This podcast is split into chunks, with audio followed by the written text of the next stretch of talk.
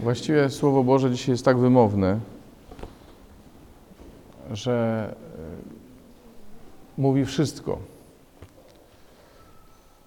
Dlatego ja bardzo krótko i chciałbym Wam właściwie tak pokazać paluszkiem tylko takie rzeczy, które wydają mi się, które mnie osobiście dotykają i które wydają mi się tutaj kluczowe, bo, bo z tego słowa, właśnie na, na tym słowie można mówić albo bardzo długo, albo nic się nie powinno mówić. A myślę też, że każdy z Was gdzieś jakoś został tym słowem dotknięty. To, co e, mnie jakoś porusza w tym, to to, że zależnie od tego, kto tego słucha, e, ta Ewangelia ma, może mieć różny wydźwięk. Dla każdego człowieka na pewno ta Ewangelia przynosi, i, czy nawet nie przynosi, ona jest zapowiedzią spełnienia obietnicy Boga, zapowiedzią wypełnienia tej obietnicy i zapowiedzią wielkiego błogosławieństwa. Dla nas tym błogosławieństwem jest przywrócenie nam pierwszej e, miłości, pierwszej przyjaźni, pierwszej relacji z Bogiem, przywrócenie nam tego Bożego podobieństwa, przywrócenie nam wspólnoty z Bogiem. Do tego stopnia, że to nas wprowadza w tę tajemniczą jedność Trójcy. Bo my znamy Boga Trójcę, który jest wspólnotą, który jest jednością. Ale to, co zrobił Jezus dla nas, Jego śmierć i zmartwychwstanie, wprowadza nas w tę tajemnicę.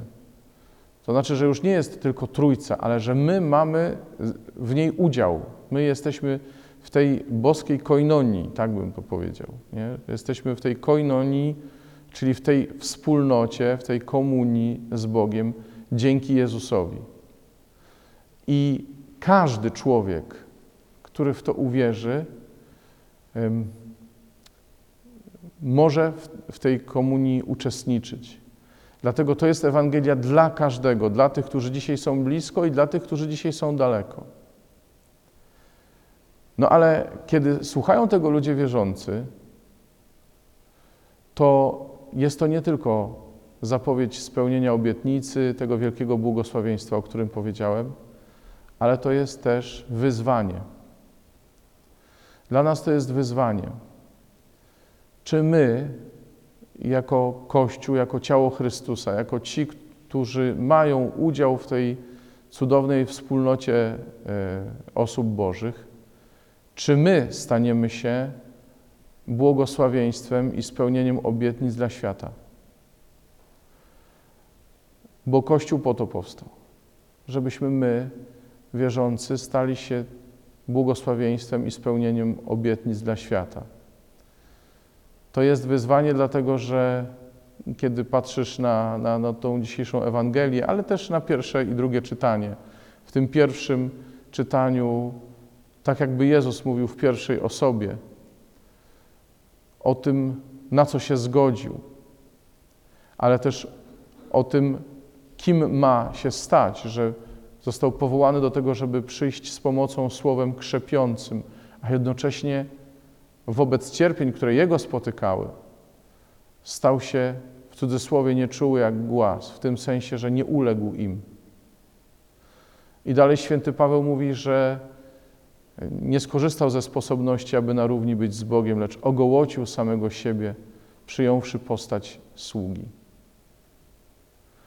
I dla nas wierzących to już nie są słowa tylko o Jezusie. To jest wyzwanie, które stoi przede mną, przed nami. Czy jestem gotowy? I to nie jest rachunek sumienia, który Tobie chcę zrobić, tylko to jest pytanie, które ja sobie muszę postawić i stawiam. Czy jestem gotowy przyjść z pomocą strapionemu? Czy jestem gotowy przyjść ze słowem krzepiącym do tego, który cierpi? I czy naprawdę jestem gotów nie skorzystać ze sposobności, aby osiągnąć coś, aby mieć pewną pozycję? Czy pozycja sług jest czymś, na co się zgodzę?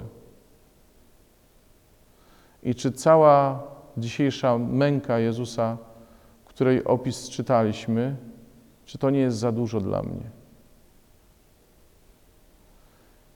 Na pewno jest.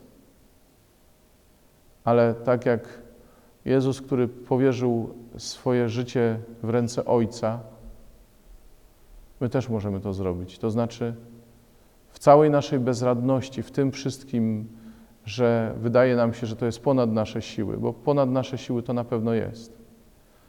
Możemy mieć to nastawienie, żeby nie szukać swego, a całą naszą niemoc oddać w ręce Ojca.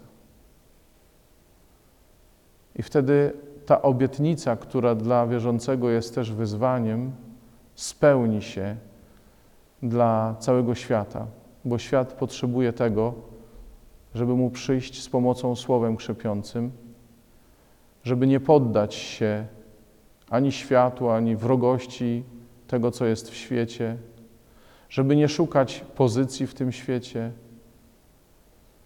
żeby wszystko, czym jesteśmy, czym chcielibyśmy być, co mamy, czego nam brakuje, co kochamy, czego się boimy, żeby złożyć w ręce Ojca i w ten sposób doznać wywyższenia, ale już nie dla siebie, tylko dla świata, żeby on mógł zostać pociągnięty do nowego życia.